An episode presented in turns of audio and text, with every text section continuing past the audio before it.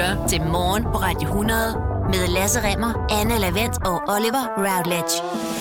Altså, det var du kommer til at høre i hvert fald i løbet af denne her ugens udvalgte podcast. Ja, må jeg Ja. have lov til at sige, hvor ser du strålende ud til den her podcast? Tak skal du have, og øh, det synes jeg også. Ja, det øh, gør du. Det har været en fornøjelig uge nok en gang her på morgen på Radio 100. Mm. Vi har taget den de sidste to dage af den her uge, fordi vi har sendt Anne på ferie. Det er hun fortjent. Hun, eller, hun er taget på ferie i hvert fald, og vi har taget den de sidste to dage. Derfor er der ikke så meget for torsdag og fredag, der er blevet udvalgt. Det er bare os Fordi to, det er bare os to, der sidder og skibskubber med på ja. det hele. Men Så det er altså mandag til onsdags udvalgte, og en lille bitte drøs. lille bitte drøs. Torsdag og fredag. Ja, og sådan er det. Og Øh. øh. det skal vi max beklage, fordi næste uge er det kun dig og mig, der er. Og der vil jeg bare lige sige, jeg ved, de har internetforbindelse på Fuerteventura. Jeg ved, Anne, du kan ikke dybe dig, du sidder og lytter til det her. Kom for fanden tilbage! Gider du godt komme Kom hjem? nu tilbage. Altså, hvor dejlig er ham manden. Hvor lækkert et sted er det at være på ferie. Så dejligt er det heller ikke. Nu sætter du dig på det første givende fly, så vi kan lave en ordentlig podcast. Det skylder du, Anne. Ja. Det skylder du. Men tak, fordi du har valgt at lytte med i hvert fald, og øh, nyd det, der kommer fra os af i den her uge. Ja. Ugens udvalgte. Mandag til onsdag. En gang imellem så falder man over en artikel i avisen, hvor man tænker, det her det er enten en artikel i Jyllandsposten, eller også er det Jyllandsposten, der har tænkt, prøv at høre den her pressemeddelelse for den her Alene det virksomhed. at nævne, Hvis at vi selvmord lige er ringer til et par kilder, nogen. så har vi lige nogle spændende her. Yes, Ja, det kunne da godt komme noget ud af. Du ved, hvad jeg taler om. Du er uddannet journalist. det gør jeg i den grad. Og ofte så behøver man ikke engang ringe til kilder, så, så skriver man lidt om, og så sletter man ordet pressemeddelelse, og så ryger det i trykken, ikke? Det er næsten sådan, lokalaviser skrives. Jamen, det er det faktisk det. Øh, men for Jyllandspostens vedkommende var det i deres erhvervstillæg, de i torsdags kunne fortælle, at Coop Danmark, det er dem, som udgør Fakta, forskellige varianter af brusen og Kvickly ikke mindst. Mm.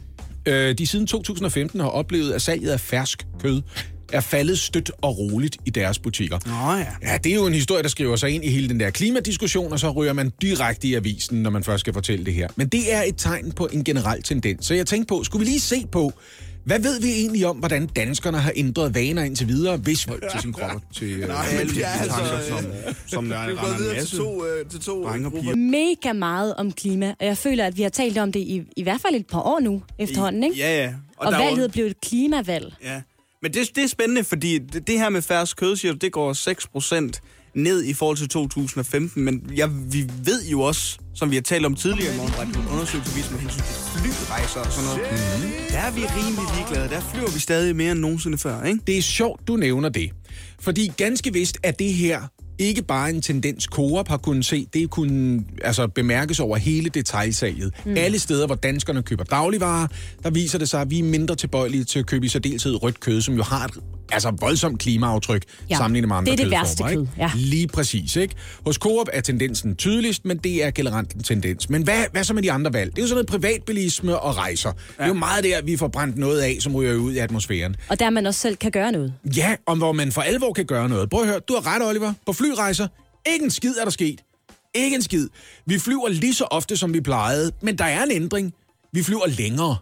Nå, okay. Vi skal så, længere ud i verden, og det er som om, vi har fået flere penge mellem hænderne, eller en større lyst til at se virkelig eksotiske destinationer. I Kastrup Lufthavn for eksempel, der ligger passagertallet cirka stødt, og det er alene fordi, der er to ret store discountfirmaer, som har gået konkurs i løbet af de senere år. Henholdsvis Wow, som havde hjemme på Island, og Primera Air. Hvis de ikke var røget, så havde man sat nye passagerrekorder. Østlige er Danmark til. 4% stigning i rejser ud af Europa, og cirka stødt inden for Europa. En lille smule ned inden for Europa. Okay. Så vi er blevet mere tilbøjelige simpelthen, simpelthen til at rejse til andre kontinenter eller andre verdensdele. Ikke? Så vi taler virkelig meget om klimaet, og så skal vi skynde os at rejse ud i verden for at se verden, inden den forsvinder på grund af klimaforandringer. Det er det, vi laver. Lige præcis, for når vi kigger på bilsalget, det satte også rekorder i 2019. Vi har aldrig uh. købt så mange nye biler før, og vi har i øvrigt aldrig nogensinde øh, købt så mange nye biler, hvor andelen af dem ikke har været mikrobiler. Det er ikke mange år siden mikrobilerne dominerede top 10 blandt de mest solgte modeller, men der er kommet flere store biler. Nissan Qashqai er blevet den nye storsælger, for eksempel. Ja, er det så fordi, vi køber en masse Tesla? Nej, nej, nej, nej, nej. Det er stadigvæk øh, almindelige fossile brændstoffer. Der er ikke så meget at gøre der. Sådan der. Okay, så vi køber biler som aldrig før, Ja. og vi rejser langt væk som aldrig før. Hvis jeg lige må lege sådan en analytiker, og det er jeg overhovedet ikke, Men du må gerne lege. Jamen, nu leger jeg bare Bring lige it. af det, ikke? Jeg har en oplevelse af, at de steder, hvor fordelen ved at lægge sine livsvaner om, er stor nok, der er vi friske på at gøre det. Fordi der er det der med oksekød, ikke? Ja. Bøffer, hvis du kan lide dem, så smager de godt. Men der er også noget sundt i at spise nogle grøntsager. Helt der, sikkert. Og, du ved, og det er en nem ændring at lave, når du står ved en køledisk, bare gå forbi den over til grøntafdelingen. Men når det handler om det der med at sætte ud i en bil, Ja. altså, så kan det godt være, at det opleves som for stort et afsavn, hvis man tænker, jeg sælger den, og så fremover, så tager jeg den på kænguru stylter på arbejde, ikke? Ja, eller offentlig transport, som Ja. jo er, altså det er jeg ked at sige, noget af det værste, der findes. Hold op, jeg bruger det hver morgen. Ja, jeg, og synes, det, eftermiddag. er- jeg synes, det er Det er en forfærdeligt. af årsagerne til, at Anne ikke kan lide det. Ja. Hun risikerer at løbe på dig. fandme ikke være en del af det der. Derfor jeg undgår det. Men jeg tror, det samme gælder flyrejser, ikke? Jo, jo. Prøv at høre, vi, vi er klar på nogle afsavn, men jeg skal kraftedeme ud og se Angkor Wat, inden det er blevet slidt op af de andre er turister, ikke? Ja. flot. det er nemlig det, ikke? Hvis man lige ser det til solopgang, det, Det det, var- det anbefales. Det er så flot. Det var den store ting for Alternativet, ikke? Ja. Altså, de på den ene side snakkede om det, men samtidig Men lige de har... elskede at tage på dykkerferie, Lasse. De præcis, se det er nemlig det det. koralrev, inden de forsvinder. Og det er præcis det, det handler om. Det er, at de siger, Great Barrier Reef er ved at dø, og Maldiverne bliver oversvømmet. Jeg skal nå det! Ja, jamen, Og jeg tror, det er det, det handler om. Ja. Ja, så konklusionen er, at vi vil gerne nå de ting, de personlige ting, vi stadig gerne vil nå. De skal opnås, uanset hvad det så koste vil for klimaet. Prøv at høre, altså, jeg bliver aldrig veganer, tror jeg. Men jeg kan sagtens ende et sted, hvor jeg ikke spiser kød. Forstår I, hvad jeg mener? Ja. Jeg sagde det faktisk øh, til min kæreste så sent som i går, så sagde jeg, jeg kunne da godt finde på at være fristet af at tage et par måneder, hvor jeg sådan prøver at le- leve vegetarisk. Altså, jeg tror egentlig godt, jeg kunne undvære kød. Og han kiggede på mig og sagde, jeg tror, jeg slår op. Ja, det er en det- voldsom reaktion, Jamen, ikke? det, det vil nogen sige, ikke? Men jeg tænker, det er sådan meget håndgribeligt, og hvis det er, man ikke, altså, så kan man måske spise lidt kylling i stedet for oksekød, fordi det er også mindre belastende for klimaet, ikke? Altså, det er slet ikke sådan, vi har det hos os, men det, jeg lavede den der det grøntsagsgryde forleden. Hvor jeg egentlig tænkte, den så rigtig godt ud, da jeg startede på den. Danmark, Jeg kan godt dokumentere det, for jeg har taget billeder af Ja. ja. råvarerne og så videre. Øh, jeg ender jo i en situation, hvor min familie er noget mere end ensomme. De tager et par mundfulde, og så kommer de i tanke om, jeg var alligevel ikke så sulten. Nej, åh, det var Og det. så er det mig, der ligesom skal sidde og hive det ud af dem og sige, I kan ikke lide det, vel? Ja. Ja. Man må godt sige, at man ikke kan lide det. Det må man faktisk Men godt. du fik jo også præsenteret her den anden dag mængden af beder, du havde proppet ned ja. i den gryde, ikke? Men de er så flotte bolsjebeder. Ja, det Ja, er de er rigtig De er pæne. så pæne, de smager bare ikke af bolsjer. Det er det eneste. Der bliver gjort en frygtelig masse mod rygning i de her år, fordi man øh, gerne vil have, at især de unge ikke begynder med at ryge. Men måske har de faktisk alligevel fundet en har de faktisk alligevel Ja, fordi fundet DR en kan fortælle, at der til synligheden Ja, er fordi sket DR en kan fortælle, at der til synligheden er sket en betydelig stigning på i især ungdomsuddannelserne, gymnasierne, På især i løbet af de senere ungdomsuddannelserne, gymnasierne. Faktisk er der i dag fem gange så mange daglige er brugere dag af snus fem på gange så mange gymnasierne. daglige Og det er brugere altså af snus drenge, på som der i gymnasierne. stigende Og det er grad altså foretrækker at drenge, putte det her som der i stigende grad foretrækker at putte Og med det det så kan vi sige godmorgen til dig, Morten. Grønbæk. Og med det så kan vi sige er godmorgen til dig, Morten Grønbæk. Institut Du for er direktør for Folkesundhed. Statens Institut for. Folkesundhed. Morten Grønbæk, tallene de viser, at der nu er flere unge mænd, de der viser, dagligt at der nu er flere i unge mænd, stedet der dagligt ryge i gymnasierne. i stedet for Er det at egentlig ryge en i god eller en gymnasierne. dårlig nyhed, Er det det her? egentlig en god eller en dårlig nyhed, det her? Den, gode ting, det er, altså, at den, gode ting, det er, at det skal vi bestemt holde fast i, fordi rygning er det skal vi bestemt holde fast i, fordi rygning Men den dårlige nyhed er selvfølgelig så det her med, men den dårlige nyhed er selvfølgelig så det her med, at komme i, i forhold til andelen, der, der i forhold til andelen, der, der er bestemt eller ikke, fordi snus er bestemt Kan du prøve at uddybe det? Fordi Kan du snus prøve er jo at små uddybe det? Fordi snus er jo man små poser med tobak. Det vil sige, men at der ikke er er noget røg, der kommer ned i i lungerne. Hvorfor er det alligevel så sundhedsskadeligt i lungerne? Hvorfor er det alligevel så sundhedsskadeligt? Det er, det er, jamen, det er præcis det, er, det er, er derfor, jeg siger, det er ikke, det er er så alvorligt, men det er noget som tobak, men, øh, det er noget skidt. øh, er, er Godmorgen. noget skidt Det i- her i er Radio indmund, 100. At man får, øh, det påvirker slimhinder, tænder, man har det der slam ind i munden i, i, i lang tid i gang.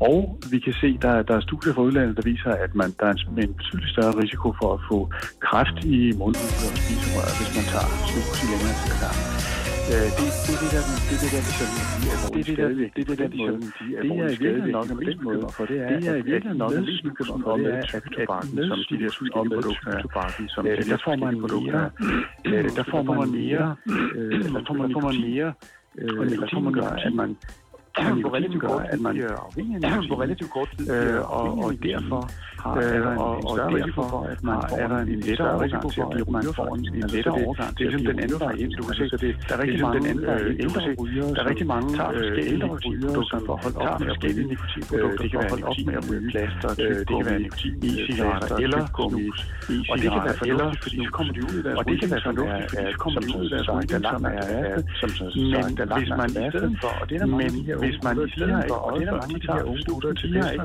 og, og står og får sig det, man får sådan en lille, og står og får sig det, man får sådan en lille pif af at få på det her ind, pif af at få på det her ind, og så synes folk, når de, når de, når de starter med, når de, når de, når de starter med meget lettere med snuser på den længere bane, det, det er det, jeg er lidt på den længere bane, det er det, jeg er lidt på det er nok det, jeg Altså, når jeg hører ordet snus, så altså, når jeg hører ordet snus, så ser jeg svensker, som står og spytter sorte klatter ud, som står og spytter sorte et eller andet sted. Har du nogen tanker om, hvordan det kan være, det her det er blevet populært? Hvordan det kan være, det her det er blevet på ungdomsuddannelsen? I særdeleshed drengene på ungdomsuddannelsen.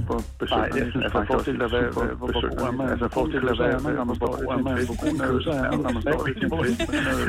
Jeg ved ikke, hvad det er, jeg ved, ikke, hvad det er, der, hvorfor de, hvorfor de synes, det er så fedt grupper der, hvorfor de, hvorfor de synes, det er så fedt, men, vi kan se så mange, der er simpelthen så mange, der der tager så mange, der er simpelthen så mange, der i sammenligning med for fem år siden, i sammenligning. Morten Grønbæk, jeg er far til en 16-årig. Morten Grønbæk, jeg er far til en 16 og ikke en pige, så vi sandsynligheden for, at jeg fandt en lille bakke et eller andet sted på hendes værelse, nok være en lille smule højere. Hvordan håndterer man det bedst, et eller andet sted på hendes værelse, nok være en lille smule højere? Gerne vil prøve at hjælpe man det bedst, hvis man er teenager, dem væk fra den her og man egentlig gerne vil prøve at hjælpe med at lede dem væk fra den her snus Det er svært nok at opdrage teenager Det er sgu svært at styre. Det er fuldstændig rigtigt. Jeg har selv haft et antal, men det er sgu svært at styre. Jeg tror ikke, jeg er bedre til det end så mange andre. Men det, der siger, der er, det er, her tilfælde, alle, alle, men alle snus er der ikke så mange, der ved. Altså, jeg tror, jeg tror, der er ikke så mange, der ved. Altså, jeg tror, jeg tror, det er også en af erfaringen, at vi mangler information om, at vi mangler information om, hvor så er det så information i det hele taget, men så så uden for mange løfte pegefinger, uden for mange løfte pegefinger, information vil være en god idé. Information vil være en god idé. Morten Grønbæk, du er direktør hos Vil jeg udover at lave øh, store mængder kaffe til min svigerfamilie i weekenden, Men, som så har jeg også gået og så at lave over en utrolig stor mængde kaffe til min svigerfamilie i weekenden, ikke?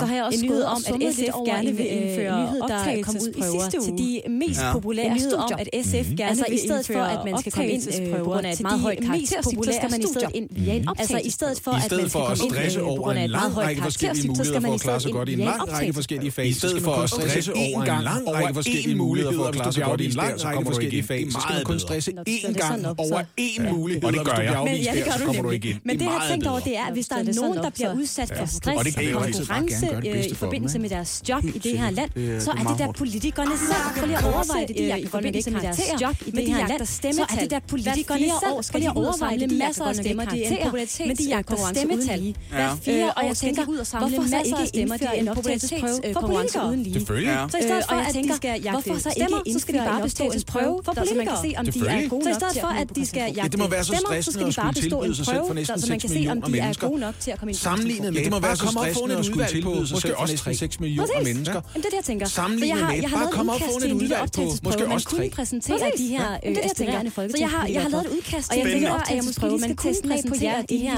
øh, aspirerende ind på Christiansborg i virkeligheden. Og jeg tænker, at jeg har tre spørgsmål, på jer, og så er det egentlig bare, hvad vil I gøre på Christiansborg i virkeligheden? Er jeg klar? Jeg har tre spørgsmål, og så er det egentlig bare, hvad vil I gøre scenarie? Du kommer til at love mere, choice? end øh, du kan holde over for dine vælgere. Det er sådan, jeg vil være som politiker. Ja, du kommer til at vise sig nemlig, at du ikke har en skid magt til at Det er sådan, bestemme, jeg om vil et være som politiker. lokalsygehus skal lukkes. Det viser sig nemlig, at du ikke har en skid magt til at bestemme, om et lokalsygehus første skal mulighed lukkes er, eller ej. Du indkalder til et pressemøde og siger, at der kommer en god løsning i morgen. Første mulighed Det er, gør der du selvfølgelig ikke, indkalder men du til gentager et sætningen pressemøde og 30 siger, at gange der kommer at en god løsning i morgen.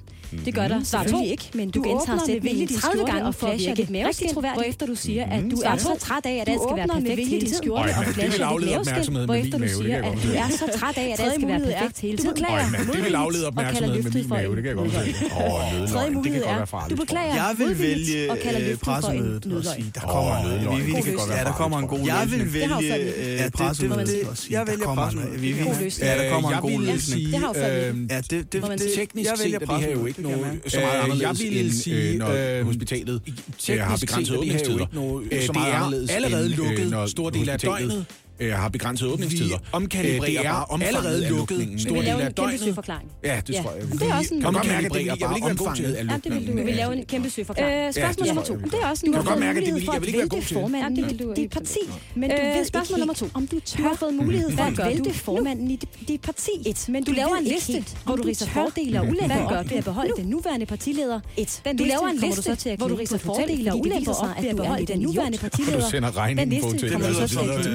Friends, fordi det, det viser sig, Rachel er lidt i Friends. Det lyder som partiledelsen. Øh, Rachel i øh, Friends, det her. Ja, du begynder at græde, efter du øh, sætter boldbit på. Tidligere. Svar nummer tre. Svar nummer to. Du begynder at græde, hvor efter du sætter boldbit på Mallorca. Svar nummer tre. Du vælger at udskyde beslutningen og tager på ferie på Mallorca. Hvad vil du vælge? Tre lortemuligheder. Du kan vælge partiformanden, du ved ikke dog. Er der en mulighed for at smutte ned i et kælderrum sammen med partiformanden og lade ham overbevise mig om, at jeg skal? Er der en mulighed for, det er smutt ned i et kælderrum sammen med partiformanden. Okay, okay. Ja, det men hvorfor begynder jeg at græde, fordi jeg kan vælge partiformanden? Jamen, fordi du bliver så okay, det tager jeg. Men hvorfor begynder jeg at græde, fordi jeg kan vælge partiformanden? Jamen, fordi du bliver så frustreret. Kom så, Oliver. Okay. Kom så, Oliver. Jeg, jeg udskyder beslutningen. Vælgere er begyndt at kritisere dig for ikke at have noget politik på hylderne. Spørgsmål 3. Din vælgere er begyndt at kritisere dig for ikke at have næste gang, du står på talerstolen i Folketinget. Jeg svømmer til Lindholm min en våddragt. Hvad du til næste gang, du står på talerstolen i Folketinget? Jeg svømmer til Lindholm min i en våddragt. Du får lige de andre tre, så må du vælge. Øh, det er også en god mulighed. Du siger et eller andet om, at overvågning fører til mere frihed, så må du vælge. Efter du må købe kage for at øh, fejre, at du har klaret om, at overvågning fører til mere frihed, hvorefter du må købe for at fake et overdrevet grineflip, mens du taler om cirkuselefanter. Svar nummer 2. Krydser du fingre du beslutter dig for at fake et overdrevet grineflip, mens du taler om cirkuselefanter. Eller svar 3.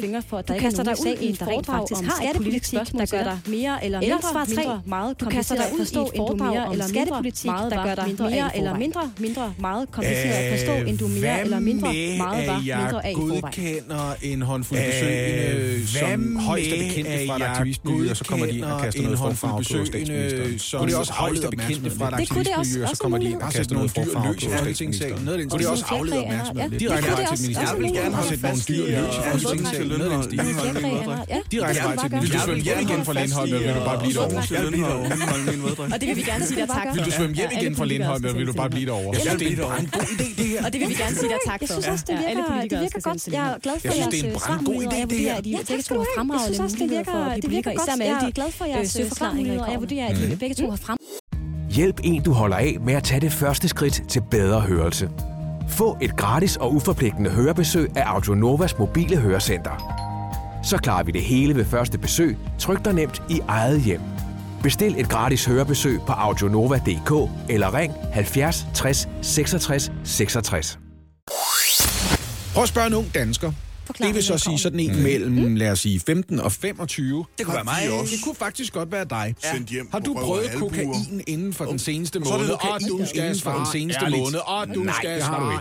Okay, så er du ikke Nej, det har du ikke. Af 30 så er du ikke danskere, som svarer. 30 ja. unge danskere, der spørger. Det, det er, at det er et uh, øh, tal, politikken selskabet er i gang med at uddanne undervisere. Det gør de sådan over 3 tal, videreformidler. Og det kan godt være, at man tænker 3 procent. Det er jo ikke over 30. Det betyder trods alt, at der er næsten 97 procent, som ikke har rørt ja, som kokain, projektet Talk. Men grunden til, at tallet ligger trods alt, at der er næsten 97 procent, som ikke har øh, rørt da man kokain inden for den sidste stillede det samme spørgsmål tilbage i 2014, der var det halvdelen af det tal, man har målt nu. Programmet er. Altså, man stillede det samme spørgsmål tilbage i 2014. Der var det halvdelen af det tal, man har målt nu. Som altså, det er jo et af de altså, såkaldt hårde stoffer. Ja, cirka 1,6 procent. Øh, vi altså, snakker ikke ah. unge mellem 15 eller varianter af det. Ja, det er en. Og det er jo et af de såkaldt hårde stoffer. der kigger på det her, de siger, det øh, plejer at være socialt udsatte unge på de kortere erhverv. Eller varianter af det. Eller noget ret hurtigt overstået, som er mest men altså misbrugskonsulenter kigger på det her, de siger, det plejer at være socialt udsatte på det her, det er altså noget, der en lang række andre hurtigt overstået, som var mest tilbøjelige til at Og her må jeg lige tilføje en ting, som jeg så ikke den tyder på, det her det er altså noget, der begynder at brede sig til en lang række andre grupper blandt de 15-25-årige. Og her der bliver tale, for eksempel som jeg så ikke vidste, som jeg samlede op i den her politik. Det er at måle en anden måde at måle, hvor for meget kokain, der bliver tævet, for eksempel i hovedstaden i toilettet, eller når vi det er at måle løbe i spildevandet. Men det er nok i særdeleshed. For i spildevandet, om det. det er jo altså så, ja. der kan man måle de affaldsstoffer, kroppen udskiller, når den bliver banket vask. Det er nok i særdeleshed. Og på den måde, så kan man altså lad os være ærlige om det. Så der kan man måle de affaldsstoffer, kroppen udskiller, når den har bearbejdet kokain. Og på den måde, så kan man altså vurdere, for eksempel har man brugt det til at konstatere, hvor meget kokain bliver der egentlig brugt for tiden i København. Hvad er niveauet omtrent det ikke gange rigtig højere, smart. Det er For eksempel har man brugt det til at konstatere under gadefestivalen distortion, der er niveauet omtrent 20 gange højere, end det er normalt. Altså, er bare altså, der er så mange unge, fordi nu ser du selv 31 kan man nemlig, det der, det der godt måske ikke er mange, men jeg synes, at det er måske, at det er 28 elever i en Altså, der er så mange unge, fordi der nu siger du selv, i hvert fald en, der har, der har sniffet sig en bække mange, men skal vi sige, der er måske, synes jeg, voldsomt. Ja, 28 elever i en Det er ret højt tal. Jeg var igennem sådan en af den slags misbrugskonsulentbesøg, da jeg gik i folkeskolen tilbage i 80'erne. Ja. Der så vi Eller, det er ret højt tal. Jeg var igennem sådan en af den slags misbrugskonsulentbesøg, da jeg gik i folkeskole tilbage og solgte meget mere. Der så vi en tv-film om en fyr, der forsøgte med noget kokain, og det gik rigtig godt i begyndelsen. Han var en dygtig sælger og solgte meget mere. Skal jeg være bundærlig, så... Til sidst og mistede hele sin familie. Så synes alt, jeg ikke, 130 er, ja, selvfølgelig gør han det. er meget. Jeg, tror, der kan ja, altså, altså jeg, jeg havde regnet med, at det var mere. Skal jeg være bundærlig, så... Som sådan, men du tror, det er mere. Hvorfor så det? synes jeg ikke, 130 det er, new norm. er, altså, det, det, er meget. Det, det er det altså, med, jeg havde regnet med, at det var mere. Ja, måske det er ikke en epidemi venner, som sådan, men du tror, det er mere. Der er bare mange, hvor jeg Det er new normal. Altså, det øhm, er det med. Ikke kun i København også. Ja, nu ikke blandt mine venner, men kokain der er bare mange, hvor jeg ser, vokset og vokset øhm, i den tid, hvor jeg er be- ikke kun i København også inden for alle mulige andre steder. sidste otte Kokain år, har jeg kun set vokset og vokset og vokset af folk, i den tid, hvor jeg er konstant har gået i byen. Ikke, altså, I, hvert fald, når man er fuld, men også tager det i hverdagen. Har jeg kun set og det er det kun gået en vej af folk, der tager coke. I hvert fald Konstant. de sidste otte år. Ikke, i, I hvert fald, når man men er fuld. Sjovt, fordi men også jeg tager har. Øh, jeg er også og det, det lige kun et gået en vej. Oliver, lad os være omkring det. Men jeg har overhovedet ikke stiftet men det er sjovt. Med, øh, Hvorfor er du så presset? Altså, der er ikke Hvorfor har du en oplevelse af, at der er noget galt med dig? af mine øh, kolleger men jeg har overhovedet hvem jeg nu er stiftet bekendtskab med der nu har taget kokain. I hvert fald ikke. Altså, der er ikke nogen af heller ikke venner i min omgangskreds. Og jeg har heller aldrig blevet øh, kolleger af mine studiekammerater. Det har ikke været en del af mit liv. Det kan være, jeg der nogensinde har taget at jeg i hvert fald ikke lige er. Jeg har vist de heller ikke sådan, jeg kunne, du er. Nej. Men det kan også, og jeg har heller aldrig blevet Nej, det er det ikke. Ja, det er simpelthen, og det har ikke været en del af mit liv overhovedet. Jeg har hørt det her tit, som du siger, Oliver, at det er over det hele, og fester, og du er. Men det kan også toiletbrættet i på det Nej, det er det ikke. Jeg har aldrig lagt mærke Men det er derfor, jeg siger, det er ikke, fordi du er 6 år ældre end Oliver, fordi jeg er 20 år ældre end Oliver. Og jeg, de her arbejdet i en branche, der har ry for, at den flyder af kokain. Jeg har været i 20 år, du er ældre end Oliver, fordi fordi jeg altså, aldrig jeg er 20 år ældre. Noget. Jeg har aldrig set øh, og, noget. Og jeg men jeg ved godt, har det er der. i en branche, jeg ved, det er der. Der er bare ikke mm. nogen, der ligesom inviterer mig til festen. Jeg har været i 20 år i mig, har du erfaringer med det, eller har du set det alle sammenhæng? Der tror jeg, der er bred men jeg ved, om, at forebyggelse er meget, meget bedre, end at blive, har haft et forbrug. Jeg ved, det er der. Der er bare ikke nogen, der ligesom inviterer mig til festen. Så det må være dig og mig, der virker så kedelig. Har du erfaringer med det, eller har du set det nogen steder? Der folk, der kigger på, så tænker nej, det er dig, der bestiller en Pepsi Max hver anden gang, du skal op og have noget i bar barn. De, du de virker ikke som typen, der er travlt med mit weekend. Det er bare ikke, heller ikke. Så det må være bare mig, der virker så kedelig. Jeg skal ikke kigge på en eller anden måde. Og folk, der kigger på, så tænker, nej, det er dig, der bestiller en, en Pepsi Max hver anden gang, du skal op og have noget barn.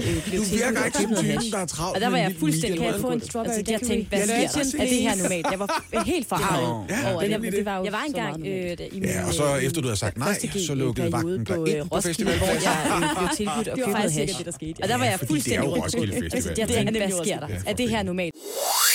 Britiske Prince Harry og hans hustru, ja, Meghan Markle, meldte sidste uge ud, at de ønsker at trække sig fra kongefamilien, fordi de gerne vil leve et øh, ja, mere selvstændigt liv, uden de her kongelige privilegier og pligter. Ja, men det havde de så bare ikke lige fortalt til dronning Elisabeth først, så i går der havde dronningen indkaldt til et møde. Lone Tejls er journalist, forfatter og har igennem en årrække været korrespondent i England. Godmorgen, Lone Tejls. Godmorgen til jer. Dronning Elisabeth accepterer parets valg, men hun havde foretrukket, at de var blevet tætte, tættere på familien. Hvad betyder det her for kongehusets fremtid, at de mister to af i hvert fald af deres allermest måske folkeligt elskede medlemmer? Ja, vi mister dem jo ikke helt, fordi der kommer til at være en eller anden slags overgang og en eller anden form for kompromis, hvor vi stadigvæk vil se dem i forskellige roller, og det er jo også det, vi selv har lagt op til. Hvordan de roller sådan helt præcis bliver udformet, det ved vi så ikke endnu. Men i hvert fald så er de overtyre, vi hører fra dronningen her efter det første møde, at hun vil gerne have det til at fungere på en eller anden måde. Meghan Markle var ikke selv til stede ved det her såkaldte krisemøde. Hun valgte at deltage telefonisk fra Kanada. Skal man lægge noget i det? Jeg tror, hun havde i hvert fald øh, behov for at komme væk fra alt det her virak. Og jeg skal også lige sige, at faktisk, øh, hvis man skal tro øh, The Daily Mail, som er den største tabloidavis i Storbritannien, jamen øh, så blev det her opkald faktisk blokeret, øh, fordi man var bange for, at det blev aflyttet. Øh, så derfor så endte det med kun at være prins Harry, der tog det her møde med familien, og det vil jeg så sige især med, øh, med dronningen og med sin far, prins Charles, og sin bror, øh, prins William. Parret de siger jo, at de ikke længere vil være økonomisk afhængige af kongefamilien. De vil gerne altså, tjene deres egne penge, men kongehuset kan jo heller ikke leve med, at parret tjener deres penge på forbindelsen til kongehuset. Så spørgsmålet er jo, Lunes hvad skal Harry og Meghan egentlig leve af? Jamen, det er et rigtig godt spørgsmål, og det er en af de ting, som det nok vil tage noget tid at blive helt enige om, hvordan man lige skruer det sammen. Når man ligesom kigger på de øh, britiske aviser i dag, jamen, så er der for eksempel øh, også eksempler på, hvor man har trukket Diana frem og sagt, at øh, hun er faktisk et eksempel på, at det er meget svært og på den ene side gerne vil bevare sin kongelige titel, øh, og så samtidig prøve at et eller andet sted slå mønt af øh, af den her titel. Og hun blev jo som bekendt frataget sin kongelige titel, da hun blev skilt fra Charles. Så der, der bliver en masse ting at snakke om der. Altså parret har jo øh, en, en velgørende institution, som de ligesom øh, prøver at få stemt på benene. Og det er meget muligt, at den kommer til at udbetale den løn, men øh, Prince Charles har angiveligt under det her møde i går i hvert fald advaret dem om, at de har altså ikke ubegrænset øh, offentlige og økonomiske midler til rådighed. Lone Tejls, jeg kan ikke lade være med at tænke på, hvad vil være den værst tænkelige udvikling herfra og frem set fra kongehusets side af? Jamen det er jo, hvis man ikke får styr på den her historie, men indtil videre så tyder alt jo på, at øh, dronningen faktisk øh, gør sit bedste for at få styr på det. Øh, mange af aviserne har jo travlt med at analysere den her øh, udtalelse, hun er kommet frem med. Øh, og der får hun altså meget ros faktisk. Altså folk siger, jamen de, øh, de øh, royale eksperter siger, at altså, hun, hun viser sig som familiens overhoved. Hun tager hånd om sagen, men hun, hun signalerer også, at hun er en bekymret bedstemor. Altså hun kalder dem Meghan og Harry. Hun bruger ikke deres officielle titler. Og det er der så andre igen, der læser ind i, at de her titler, de kommer så til at forsvinde øh, i fremtiden. Men hun skriver jo altså, hun forstår godt deres ønsker om at, øh, som ung familie at prøve at skabe en anden fremtid, selvom hun havde foretrukket, at det var anderledes. Så det er en majestat, der handler og tager hånd om problemet, men hun viser også flere følelser, end vi måske er vant til at se hende øh, vise. Altså, vi husker måske under Dianas begravelse, hvor hun bare helt tilknappet om, hvor forfærdeligt øh, det var indad til med familien og to drenge, der havde mistet deres mor. Øh, jeg kunne ikke lade være med at lægge mærke til en enkelt ting her til sidst, Lone Theis. Dronningemoderen ankommer i en bil, hun selv kører i en alder af 93. Jeg ved ikke, om man skal overtolke sådan noget der, men bliver Charles nogensinde regent, eller ryger den bare direkte videre til William? Det virker som om, hun har ikke tænkt sig at lægge scepteret fra sig. Altså, man skal i hvert fald huske om dronningen. Hun er jo faktisk øh, uddannet chauffør. Det blev hun under 18. verdenskrig. Det er godt nok nogle år siden, men øh, hun kan godt lide at sidde bag rattet, når hun er, hvad skal man sige, ikke ude på officielle pligter. Det elsker hun. Men øh, de bliver meget gamle i den familie der. Altså, hendes egen mor blev øh, 104. Ja, yeah. jamen ved du hvad, det kan da godt være, at uh, Charles han lige kan læne sig lidt tilbage et stykke tid endnu. Det ser ikke ud, som om tronen venter lige rundt om hjørnet. Tusind tak skal du have, Lone Theil, journalist, forfatter og mangeårig korrespondent i England. Velkommen.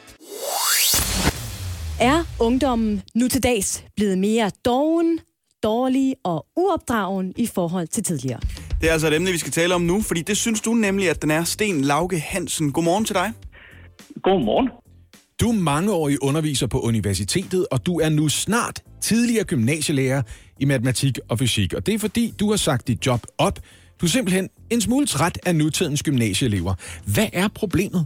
Øh, jeg, hvis ikke, jeg er, er, er træt af, at der bliver optaget for mange, øh, for øh, øh, det betyder altså, at øh, cirka halvdelen af dem, der bliver optaget i gymnasiet, øh, de kommer til at spille deres tid, fordi de i virkeligheden ikke er særlig interesserede øh, i det, der foregår, eller øh, ikke har evnen til det. Og, og, og begge, begge dele er, er sådan set ok, det har jeg ikke noget imod. Det er sådan set fair nok, hvis man ikke er særlig interesseret i Ohms lov eller tyske verber. Det har jeg stor forståelse for. Øh, eller eller øh, ikke noget i forreste række, øh, der, der, der skulle øh, uddeles boglige evner. Det er, helt, det, er, det er helt ok, øh, men så er der bare ingen grund til at, øh, at søge gymnasiet øh, under de omstændigheder. Fordi på den måde, så kommer det til at gå ud over den anden halvdel, øh, nemlig dem, der er kvalificeret til gymnasiet. Øh, fordi undervisningen bliver man nødt til at indrette efter alle, og dermed kan man sige, halvdelen spiller deres tid, og den halvdel spiller deres talent. Og, og, og jeg synes ikke langt ud efter, øh, efter eleverne på den måde, fordi de har jo bare gjort det, som, øh, som politikerne har bedt dem om, nemlig at myldre ind i øh, gymnasiet i, øh, i stort antal. Så jeg kan forstå, at det simpelthen er det faglige niveau, der er utilfredsstillende. Altså, hvad er det for ja. et niveau, du oplever i gymnasieklasserne i dag? Øh, jeg har det sidste års tid, mens jeg har været gymnasielærer, talt utrolig meget om lavkager øh, når jeg skulle forklare brøkregning og sådan. Og øh, det var jo noget, jeg havde øh, forventet, man skulle øh, gøre i, øh, i folkeskolen. Men øh, så, så, så det, det, det er simpelthen fuldstændig basalt opgaver, som 80 minus 62 giver problemer. Øh, og øh, det, det, det er jo, hvis der så var tale om en enkelt talblind, øh, som øh, eller øh, øh, anderledes udfordret, øh, så, så, så kunne jeg forstå, der, at, at det skete med mange. Og det, det der er det værste, det er, at det er sådan set fornuftigt begavede elever. Mange af dem, der ikke kan de der ting, de har bare aldrig fået det lært i folkeskolen. Så er det der problemet begynder? Er det i folkeskolen? Ja. Er det i øh, optagsandelen af en ungdomsårgang? Eller er det politisk, fordi man hvad, kan bestå matematik B i gymnasiet nu med, med 20 procent korrekte besvarelser? Ja til, alle tre, ja til alle tre ting, fordi det starter i, uh, i folkeskolen. Uh, man kan se simple brøkregningsopgaver, uh, som uh, uh, japanske elever for eksempel kan løse i 6. klasse, øh, kan danske elever ikke løse efter 9. klasse. Så problemet starter i folkeskolen, og så derefter øh, optager man uh, elever, alt for mange elever i gymnasiet, som ikke har de faglige forudsætninger. Uh, og jeg kan jo lige være konkret der, vil jeg nævne opgaven 1812 øh, divideret med 6. Øh, 1812 divideret med 6, det kan over halvdelen af danske folkeskoleelever ikke efter 9. klasse. Wow. Og alligevel optager man, alligevel optager man øh, tre fjerdedele på gymnasiet, og lidt brøkregning siger, at det betyder, at en tredjedel af dem, der bliver optaget på gymnasiet, de kan ikke løse opgaven 1812 divideret med 6. Mm. Og hvis man ikke kan løse opgaven 1812 divideret med 6, så er det svært for de stakkels matematiklærer, der står i gymnasiet og lærer eleverne øh, differentialregning og hypotesetest og den slags. Og det er sgu da også synd for de stakler, øh, der så bliver præsenteret for krav om, at øh, de skal øh, lære differentialregning og hypotesetest, når de basale ting mangler fuldstændig. Og det var også derfor, øh, nu øh, øh, kunne man jo måske få den tanke af, af en eller anden tosse, der øh, meldte ud her efter et, et, øh, et års tid på, på en spinkel baggrund. Men over halvdelen af de af danske elever på landsplan, der gik op til matematik B i sommer, dumpede. Der var en dumpeprocent på 51,4 ved øh, forcensuren. Og så skyndte undervisningsministeriet sig ind og ændre reglerne, så man, som du sagde før, kunne bestå med 20 procent. Man skulle tro, at vi var en eller anden bananstat eller et eller andet østblokland, der fuskede med produktionsresultaterne. Øh, så, så, så over halvdelen af eleverne, og det er de fleste, der tager matematik B, har ikke fået noget ud af deres undervisning. Sten Laugesen Hansen, her kort til afslutningsvis, så vil jeg bare lige høre dig, at synes du ikke, det egentlig er bedre at blive som gymnasielærer, så du rent faktisk kan ændre noget, i stedet for at smutte for det hele? Øh, øh, jo, øh, det kunne, kunne man godt sige, men øh, jeg, jeg tror, øh, der er brug for, øh, for øh, at øh, der kommer nogle nye til, og øh, som er bedre håndteret eller bedre indstillet på at, øh, at, at løfte den opgave. Jeg synes simpelthen, det er... Øh, jeg, jeg, jeg, jeg, jeg har ikke lyst til at, at, at, at lege far for sådan øh, en gymnasieklasse, hvor jeg skal øh, bede dem om at, at tige stille og lade være med at være på, øh, på Facebook eller andre sociale medier hele tiden. Og øh, det, det, det er jeg sgu blevet for gammel til. Og det øh, skal du selvfølgelig heller ikke. Sten Laugesen Hansen, du er underviser og øh, snart tidligere gymnasielærer. Du skal have tusind tak for din tid her til morgen. Selv tak. Og nu skal vi tale om en øh, meget interessant sag, synes jeg i hvert fald selv, og som jeg også synes er gået en del under radaren, siden den kom ud til vores bevågenhed, takket være Berlingske i, øh, i weekenden. Mm. Vi skal tale om Ahmed Samsam. Ahmed Samsam, han er en dansk statsborger. Han sidder fængslet i Spanien. Det gør han på andet år i øjeblikket. Han er ved at afzone en 8-årig lang dom. Og den her dom, den har han fået for at være tilknyttet islamisk stat. Han lyder som en skidtkal. Ja, der er bare det, at Ahmed Samsam faktisk aldrig har været tilknyttet islamisk stat. Han har i stedet været spion for de danske efterretningstjenester. Nå, så det omfang, han har haft kontakt med islamisk stat, så er Ahmed Samsons påstand, at han har gjort det i nationens tjeneste. Lige præcis. Okay. Men han er alligevel blevet dømt. Han er alligevel blevet dømt i, I Spanien, Spanien, ja. Okay. Det her, det er en sag, hvor man skal holde tungen lige i munden, og man skal øh, spidse ører. Men jeg vil gerne lige tage med på en lille tidslinje gennem Ahmed Samsams liv fra 2012 til 2018. Mm. Relativt kort og forsimplet. I sommeren 2012, der drager Ahmed Samsam til Syrien. Det gør han for at kæmpe i borgerkrigen mod Bashar al-Assad, altså præsidenten i Syrien. Han tilslutter sig milisen, der hedder Troens Brigade, eller bliver kaldt Troens Brigade, som altså, det er en salafistisk gruppe, på samme måde som Al-Qaida og Islamisk Stat er det. Men det her er på ingen måde en terrorgruppe. Men da han tog afsted i 2012, var det på eget initiativ? Det var på eget initiativ okay, i 2012. så det, det var hans ja. egen, egen idé ja, at tage det var hans egen idé at tage afsted. Det var altså som sagt en, en, en, en gruppe, salafistisk gruppe, ligesom Al-Qaida og Islamisk Stat er det, men det er langt fra en terrorbevægelse, det her. Mm. Han deltager faktisk også i et interview sammen med Puk Damsgaard på TV-avisen, hvor han stiller sig frit frem og fortæller, hvad det er, det her det går ud på. Mm-hmm. Det var altså i sommeren 2012. I december 2012, der øh, bliver han under et fængselsophold i Kalumborg. Der afsoner han 30 dage. Der bliver han kontaktet af to medarbejdere fra politiets efterretningstjeneste, altså PET. Mm-hmm. Der indgår han et samarbejde med PET, hvor han skal arbejde for tjenesten som en informant i Syrien mod betaling. Men det er i hvert fald hans påstand. Er det kun, altså, kan det bevises? Kan man se, at der har været et par stykker fra PET forbi? Er det blevet optaget? Hvad sker der her? Det øh, kan man ikke umiddelbart se, nej, men der er en masse... Nå, det er jo fortroligt selvfølgelig. Det er fortroligt, det hele ja, ja, ja. ikke? Ja. Februar 2013, altså tre måneder efter han er blevet kontaktet af øh, to vagter fra PT i Kalumborg, der rejser han tilbage til krigen imod Bashar al-Assad, men den her gang er rejsen og det hele finansieret af PET. Mm-hmm. I november 2013, der blev han sendt videre til Forsvarets efterretningstjeneste. Så nu er det ikke længere politiets efterretningstjeneste, men Forsvarets efterretningstjeneste. Og han fungerer simpelthen som agent for en, de danske efterretningstjenester. Ja. Og hvad, skal, skal man så formode, at det handler om at holde øje med, om der er danske fremmede krigere dernede? Lige præcis. Og, ja. Lige præcis. Det handler om, at han skal være, altså kunne fortælle de danske myndigheder og forsvars efterretningstjeneste for den sags skyld, om de her danske fremmedkrigere, der kommer til Syrien. Okay. Hvad gør de? Hvem er de? Ja, og hvad, hvordan agerer de? Ikke? Er det, som nogle af dem selv siger, noget med at skaffe mad til de nødlidende, eller er de med til at hugge ud af folk? Eller hvad fanden er det, der foregår? Ja. Så det gør han altså i, i februar 2013, hvor han bliver en del af, af Forsvars efterretningstjeneste. Det gør han, fordi de har bedre muligheder for at føre agenter i udlandet Forsvars mm-hmm. efterretningstjeneste. Det er 13. I 15, der har han altså arbejdet for at hjælpe de danske myndigheder i over to år, Ahmed Samsam. På det tidspunkt der er han tilbage i Danmark. Forsvars efterretningstjeneste, de beder ham om at rejse til Syrien igen, men den her gang for at tilknytte sig islamisk stat. Okay. Så siger de til ham, vi har været rigtig glade for samarbejdet. Ja. Kunne du ikke lige gøre lidt mere og blive en del af islamisk stat? Mm-hmm. Så vi kan få en informant inden for i islamisk stat. Hvilket jeg, uden at have styr på det, vil tro vil være altså et kæmpe, kæmpe win for de danske efterretningstjenester. Men også en meget at bede ham om, ikke? Ja, og nemlig det, du siger, fordi Ahmed Samsam takker nej til det her tilbud. Okay. Fordi han synes, det vil være alt for risikabelt. Så han siger, nej tak, jeg har ikke lyst til at blive en del af islamisk stat for at være spion for jer som en del af islamisk stat. Nej, nej, nej. Altså, hvis, hvis de beslutter sig for, mm-hmm. at, at han er spion dernede, så er han færdig. Så er han færdig, ja. lige præcis. Så han takker altså nej til det her tilbud fra Forsvars efterretningstjeneste. Og det er så her, der er samarbejde, det ophører. Mm. Ahmed Samsam og det danske efterretningsvæsen stopper i 2000 2015. Ja. Så skal vi lige springe nu, igen to år, til sommeren 2017.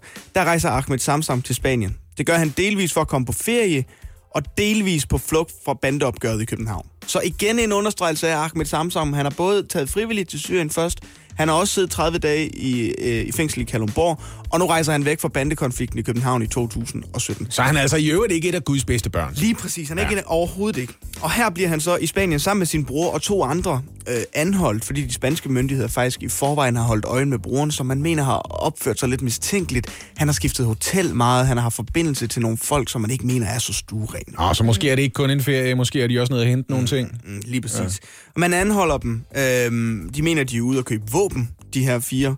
De er rent faktisk ude at købe noget hash. Nå, okay. Og så bliver ah, okay, så det er ikke ren ferie, skal vi være enige om. Okay. På Ahmeds telefon under anholdelsen, der finder de spanske myndigheder billedmateriale, der placerer ham i Syrien med våben i hænderne. Blandt mm. materialet er der jo også nogle voldsomme billeder fra slagmarken, som Ahmed Samsam enten har kigget på eller downloadet. Jo, nu sidder han i saksen. Nu sidder han i saksen. Han bliver i Spanien idømt 8 års fængsel for at tilslutte sig islamisk stat. Det gør han i juli 2018. Og han mener altså, at han ikke burde være dømt, fordi de billeder, de skyldes, at han har arbejdet for danske efterretningstjenester. Han, ja. ja, plus at han jo takket nej til at tilknytte sig islamisk stat. Lige præcis. Og han er Okay. altså idømt 8 års fængsel i Spanien nu. Og hvor er de danske myndigheder i alt det her? De er svære at grave op, kan okay. jeg Okay. godt fortælle dig. Altså, er jeg har jo set nogen øh. Hollywood-agentfilm nok til at vide, at nogle gange bliver man sendt ud på en mission af nogen, som siger, at hvis du bliver pågrebet, så kommer vi til at nægte, at du har noget med os at gøre. You're on your own. Mm-hmm. Ja.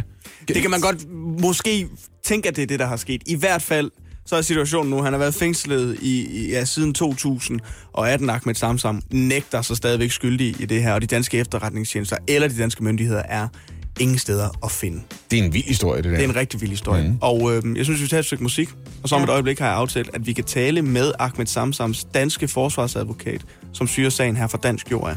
Der er simpelthen nogen, der trods alt forsvarer ham og prøver at få ham hjem fra Spanien. Lige præcis. Det er lige om et øjeblik. Ja. Så hvis du lige har hoppet ombord, så er du gået glip af, at Oliver lige har indført os i en lidt øh, kompliceret sag, som har fået danskernes bevågenhed via Berlinske Tidene her forleden. De har kigget på en fyr, som har siddet i fængsel øh, i forløb i halvandet år i et andet EU-land. Ahmed Samsam er en dansk statsborger, som sidder fængslet i Spanien. Han er fængslet for at have tilknytning til islamisk stat. Den her tilknytning den er bare sket i en periode, hvor Ahmed Samsam var agent for danske efterretningstjenester. Det betyder altså, at Ahmed Samsam måske er fejlagtigt dømt. Ja, det mener i hvert fald hans danske forsvarsadvokat. Han hedder Thomas Brader, og du er med os på en uh, telefon lige nu. Godmorgen til dig, Thomas Brader. Godmorgen. Allerførst, hvordan i himlens navn kan man blive fængslet for en forbrydelse, man ikke har begået, og det man så har gjort, det har man så endda gjort i samarbejde med danske efterretningstjenester? Det, der i hvert fald er sket i den her sag, det er, at øh, Spanien på et tidspunkt øh, interesserer sig for øh, Ahmed og øh, finder ud af, at han har været i Syrien, og det må man jo heller ikke efter spanske regler. Øh, og øh, ud fra det, så falder de mistanke om, at han kunne have gået, begået noget kriminelt, mens han har været i Syrien. Øh, på det tidspunkt må man formode, at Spanien heller ikke nødvendigvis ved så meget omkring Ahmed Samsom. Så det kan man sådan set godt, øh, hvad kan man sige, undskylde øh, spanierne med på det tidspunkt. Øh, men at det så er gået så galt, at han har siddet så lang tid på det her, det er jo i virkeligheden det, der er det helt store problem. Du sidder med den danske side af sagen. Hvordan har du indtil videre oplevet samarbejde med danske myndigheder om Ahmed Samsams sag? Øh, jamen, der er ikke noget samarbejde. Øh, jeg har øh, skrevet til GT. Øh, det har jeg gjort af to omgange. Øh, jeg har bedt om at få øh, fuld indsigt i alle de oplysninger, de har omkring samarbejdet med ham. Øh, det har man afslået. Øh, så bad jeg om at få øh, sådan specifik indsigt i nogle oplysninger, for det er nemlig sådan, at han er blevet dømt for øh, i to omgange at have modtaget nogle penge, øh, som man i Spanien mener er, er terrorfinansiering. Øh, Ahmed har sagt, at det er penge, der er øh, betalt til ham øh, via hans øh, efterretningsforbindelser. Og det har jeg bedt dem om at bekræfte, eller for den sags skyld afkræfte, hvis de vil sige, at han lyver. Men de har blot svaret igen, at de vil ikke sige noget og ikke kommentere på det og ikke bidrage til sagen. Tror de spanske myndigheder ikke på, at det altså er øh, de danske efterretningstjenester, som din klient har samarbejdet med? Tror, den køber de simpelthen bare overhovedet ikke, eller hvordan forholder de sig til det? Den køber de ikke. Øh, og det man sådan set kan forstå på, øh, på den spanske afgørelse dernede også, det er, at øh, der har været en, en spansk øh, politimand i en afgivet forklaring, hvor han siger, at øh, de danske myndigheder har ikke bekræftet, at han skulle arbejde sammen med dem. Thomas Breder, i de informationer, vi har, der siger Ahmed Samsam i sin afhøring med spansk politi, at han arbejdede for de danske efterretningstjenester. Altså umiddelbart, når man hører det, hvorfor har de spanske myndigheder ikke bare kontaktet de danske myndigheder, og så er den her sag overstået? Jeg ved ikke, om der har været nogen form for kontakt, eller om der ikke har været nogen øh, form for kontakt. Men faktum er, at i sagen, der indgår der ikke noget som helst omkring de oplysninger. Øh, så man har i hvert fald ikke sørget for, at oplysningerne er kommet rette sted hen. Øh, Man kunne jo have klaret det her øh, meget hurtigt, øh, og formentlig også meget hemmeligt, hvis man havde været lidt vaks og, og snakket med sine spanske kollegaer med det samme omkring situationen og forklaret, hvordan det hele ret, retteligt hang sammen. Hvis Ahmed Samsam sidder urimeligt fængslet i Spanien, fordi PET ikke vil bekræfte, at han har arbejdet som agent for dem, hvem sidder så i sidste ende med ansvaret for, at han er urimeligt fængslet i et andet land?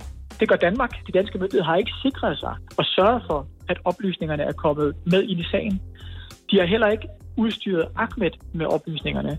Og man har heller ikke øh, samlet op på det her efterfølgende. Når jeg har skrevet til dem og sagt, at vi vil være venlige og opklare misæren, har man jo også haft mulighed for at gøre det. Thomas Breder, øh, her, hvad er næste skridt for, for dig, for Ahmed Samsam og for hans øh, spanske forsvarsadvokat? Hvad er næste skridt for jer i den her sag? Jamen, jeg kan sige, for mit, for mit vedkommende, jeg øh, har jo som sagt klaget til Justitsministeriet over PETs afslag på at give mig nogen form for indsigt. Øh, og jeg venter stadig på svar fra Justitsministeriet. Og jeg er forhåbningsfuld øh, af natur, så jeg tror selvfølgelig på, at Justitsministeriet kommer til den konklusion, at jeg skal have nogle oplysninger. Og jeg håber også meget, at man føler, at man efterhånden er færdig med at sagsbehandle sagen nu her. Øh, det var i maj sidste år, at øh, jeg sendte den klage. Øh, det er den ene ting. Den anden ting er, at jeg har skrevet til Forsvarets efterretningstjeneste, da jeg fandt ud af, at de også var involveret i sagen. Og dem mangler jeg også at få svar på, eller svar fra. Så der håber jeg selvfølgelig også, at de øh, gerne vil give mig nogle oplysninger, som øh, kan bruges i sagen dernede. Og så har jeg som det sidste også skrevet til tilsynet med efterretningstjenesterne øh, og bedt dem om at gå ind i sagen. Øh, simpelthen af hensyn til øh, den kompleksitet, det her det er, og omfang, som sagen her har. Så mener jeg, at det, og afslagene, som jeg har fået, så mener jeg, at det er åbenbart, at, at, at de også bør vide noget om den sag her. Thomas Breder, du er advokat og partner hos Datoren Advokater i København, og så jeg sidder altså med den danske side af Ahmed Samsams sag. Du skal have tak for din tid her til morgen. Det var så lidt. Det var så lidt. God dag. Det skal være lovligt at være i besiddelse af hårde stoffer, så længe de er til eget brug. Så lyder et forslag, som Alternativet har luftet et par gange, og som altså nu er frem igen. Ja, og samtidig med, at stoffer skal afkriminaliseres, så mener partiet altså også, at bøder og fængselsstraffe skal skiftes ud med tvungen behandlingshjælp i stedet for. Ja, godmorgen til dig, Sikander Siddiq. Du er retsordfører for netop Alternativet. Tak, fordi du vil være med. Jo, selv tak. Først og fremmest, hvorfor er det en god idé at afkriminalisere altså stoffer, såsom ja, heroin og kokain? Jamen det er det, fordi at øh, misbrug er et spørgsmål om sundhed og, og ikke straf. Vi har øh, øh, vores misbrugere, som er øh, en udsat gruppe, en udsat borger. De skal hjælpes, ikke jagtes. Øh, ved at kriminalisere dem, så holder vi dem i den onde cirkel, hvor at de i, er misbrug, som tit og ofte fører til kriminalitet. Øh, så vi skal ved at afkriminalisere øh, hårde stoffer, have dem ud af kælderen, ud af baglokalet og hen til hjælpen, således at vi kan bryde den her øh, onde cirkel. Vi har også set, at øh, det har medført dødsfald, fordi at de unge tager stoffer, som de tror for eksempel er en ecstasy-pille, men i virkeligheden er noget helt andet.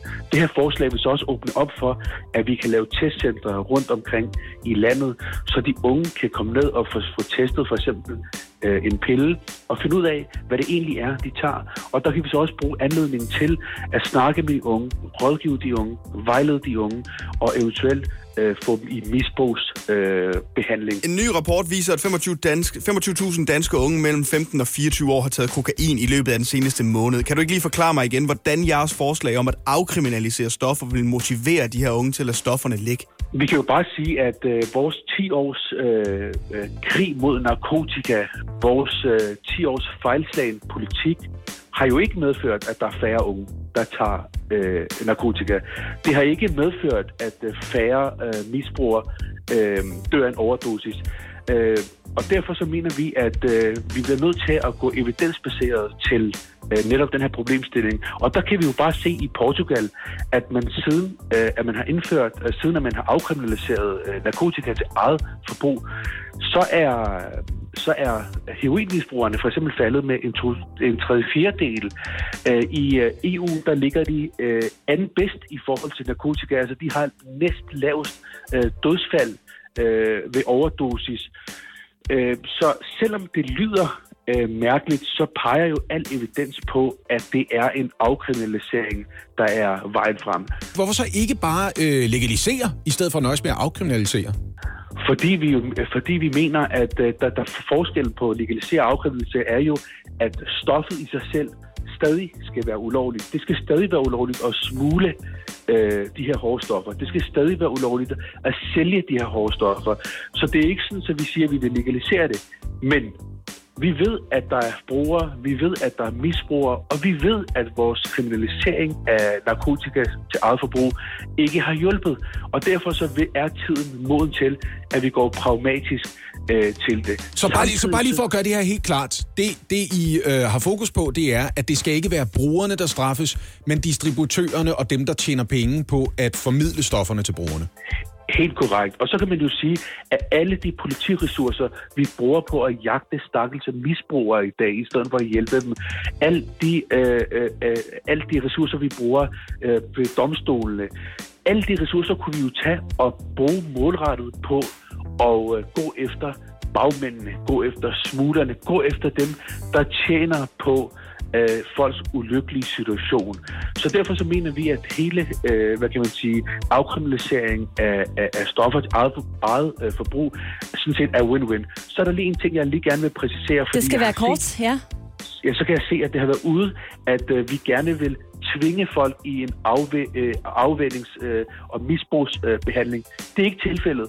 Hele formålet med, med, med, med, med, at vi vil lave om på det, det er, at vi vil gå fra øh, straf og sanktioner til hjælp og støtte.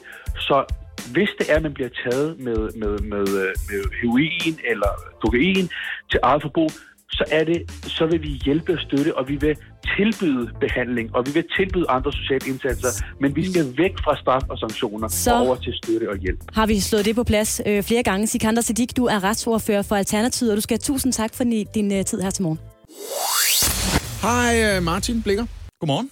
Et navn, man genkender, hvis man øh, lytter nysgerrigt til vores nyhedsdækning. Men altså blandt sådan, de kulturelle nyheder er der jo ugenlige filmpremiere, og du er rigtig glad for film og ved meget om det. Det er derfor, vi har inviteret dig simpelthen. Og det er jeg glad for, I gør. Mm. Øh, fordi du skal fortælle os denne her morgen om øh, en af den her uges filmpremiere. Og, og det er, det er allerede afsløret, en film, jeg har glædet mig rigtig meget øh, til at se, og jeg har ikke set den endnu. Øh, og det er ikke mindst, fordi instruktøren øh, og manusforfatteren og en af de store birolleindehævere i filmen er øh, Taika Waititi, mm. manden, som også har instrueret Thor Ragnarok for eksempel, og så har han været med i en fantastisk øh, vampyrkomedie, der hedder What We Do in the Shadows, som jeg knus elsker. oh, Det lyder som om, det er dig, der er filmen. Yeah. Nå, men det var bare for at sige, du har min fulde opmærksomhed, Martin. Er det den film, jeg har håbet på, det er? Er det en film, der vil gøre mig så glad, når jeg kommer i biografen? Jeg håber på din vegne, at det er det, du håber, det er. det er godt. Skal vi lige få sat på plads? Det er ja. filmen Jojo Rabbit, der er tale om. Ja. Hvad handler den film om, Martin? Jamen, sådan helt kort, så følger vi gennem den her film den 10 og et halvt år gamle Johannes Belzer, a.k.a. Jojo Rabbit, som er medlem af det, som hedder Deutsches Jungvolk, som var sådan en undergruppering til den her nazistiske ungdomsorganisation, der hed Hitlerjugend, øh, som egentlig bare havde til formål ligesom at hjernevaske og så indoktrinere de her yngre generationer øh, ind i nazismens vold og gøre dem helt og deles sådan tro mod Hitler. Det var sådan fremtidsudsigten for Hitler i hvert fald. Øh, og så har vi så Jojo, han er sådan godt og grundigt fanget i fanatismens vold allerede. Han har været, godt, og- han har været medlem i et stykke tid, og han mener ikke, at der er noget bedre end nazismen. Han mener, at jøder de er onde skabninger. Og så knus elsker han Hitler, og det kommer blandt andet til udtryk i, at han har en fantasiven. Hvis man har set traileren, så ved man det også. Fantasiven, det er øh, Hitler, mm. men så portrætteret med en, der har et 10-årigt sind. Mm. Øhm, og det kan man også høre i, i traileren, hver gang de snakker sammen. Der er slet ikke nogen tvivl om, at det her det er ikke den Hitler, som vi kender. Det er en Hitler, som en 10-årig person vil se det. Ja, som han forestiller sig en voksen skikkelse, at han idoliserer kunne være som god ven. Lige præcis. Mm. Og, og det, der så sker, det er så, at øh, Jojo han møder så en jødisk pige, som gemmer sig øh, fra nazisterne. Og hun begynder så langsomt ligesom at overbevise Jojo om, at der er noget galt. Det, han selv tror på. Hele den verden, han er, han er opfostret til at tro på. Der er noget Altså sådan en. Anne Frank-pige, der, øh, der er skjult væk, eller hvordan? Lige præcis. Meget en henvisning til Anne Frank. Okay, mm. ja. Øh, altså, når han snakker med Hitler, ham her, Johannes Jojo, ikke? Jo. Øh, så lyder det for eksempel sådan her. Poor Jojo. What's wrong, little man? Hi, Adolf. Want to tell me about that rabbit incident? What was all that about? They wanted me to kill it. I'm sorry. I couldn't. Don't worry about it. I couldn't care less. But now they call me a scared rabbit. Let them say whatever they want. People used to say a lot of nasty things about me. Oh, this guy's a lunatic. Oh, look at that psycho. He's gonna get us all killed. I'll let you in on a little secret. The rabbit is no coward. Oh. The humble little bunny faces a dangerous world every day, No. hunting carrots for his family, for his country. Åh oh, ja, så, så han bliver kaldt for Jojo the Rabbit, og, øh, fordi han ikke vil slå en kanin ihjel, og så dukker hans gode ven Hitler op og fortæller ham, hvor fint et dyr kaninen er, hvor tapper det er, fordi den, den jagter gulerødder hver dag. Ja, og så giver han ham jo en trøst, og man kan sige, ja. det er jo også sådan en ting, man tænker, åh, det er meget sødt, og så er det, det går op for en, hvor absurd det er. Mm. Vi sidder og kigger på Hitler som værende en nænsom person. Ja. Det var jo, han, han, han, det var han jo på ingen måde. En af de ting, der har været med, med den her Jojo Rabbit, fordi jeg fik først øjnene op for, for den her film, at den fandtes, at den eksisterede. Altså, nu har den ikke fået premiere. Det er i dag, den får premiere, ikke? Jo. Øh, men, men det var så Golden Globes øh, uddelingerne. Øh, og så så jeg traileren for den, da jeg var inde og se 1917 den anden dag. Men det virker jo også til at være en sjov portrættering af for eksempel Hitler og 2. verdenskrig og en 10-årig. Hvordan lykkes det med at være en sjov portrættering af en periode af historien, man ikke er så stolt af? Man kan i hvert fald sige, at det er i høj grad det, man sælger filmen som. Man sælger den som en sort komedie. Mm. Øhm, og det er den også en lang, en, et langt stykke hen ad vejen. Men det, som Taika Waititi han er rigtig, rigtig god til, det er, at han tager fat i noget, som vi kender, og så giver han dem et twist, og så ser vi dem måske på en anden måde. Men han er hele tiden klar over, hvad det er, han arbejder med. Han er hele tiden respektfuld over for 2. verdenskrig, og hvad det var, der ligesom hente på det tidspunkt. Og det kommer, til, det kommer til udtryk i filmen flere steder, blandt andet ved, at vi har en masse scener, som egentlig skal forestille at være sjove, men så vender han det 180 grader på en tallerken, og så står vi lige pludselig, hvor vi sidder og griner af noget, som faktisk er virkelig, virkelig ja, både ondskabsfuldt, men også meget brutalt. Og det rammer nogle, nogle tanker, og det, rammer, og det vækker nogle følelser i en, som, øh, som man tager med sig derfra. Så det, det, er en meget, det er en film, der påvirker en i høj grad. Jeg kan godt forstå, at det er en film, som også deler vandene, mm. fordi der er nogen, der ikke mener, at 2. verdenskrig på nogen måde er sjovt, og det er det heller ikke. Mm. Men den havde nogle absurditeter, som Taika Waititi er rigtig god til at fremhæve, hvor absurd det var, mm. hvor ekstremt det her var. Og så får han os til at tænke over dem ved hjælp af humoren. Altså for over 20 år siden, der lavede italienske Roberto Benigni Livet er smukt. Lige præcis. Og, og det kastede en Oscar af sig alting. Hvad, kan vi stadigvæk tåle det i dag, eller har man fuldstændig glemt en tid, hvor det var muligt at lave en holocaust-komedie? Det er sjovt, du lige nævner den film, fordi der er faktisk en kæmpe reference lige præcis til den film i den her. Mm. Øh, også i den her Jojo Rabbit, øh, i forhold til øh, samspillet mellem Jojo og så hans mor. Ja. Hele det forhold, de har, det er en lang kærlighedserklæring til Livet Smukt. Det er der oh. ingen tvivl om.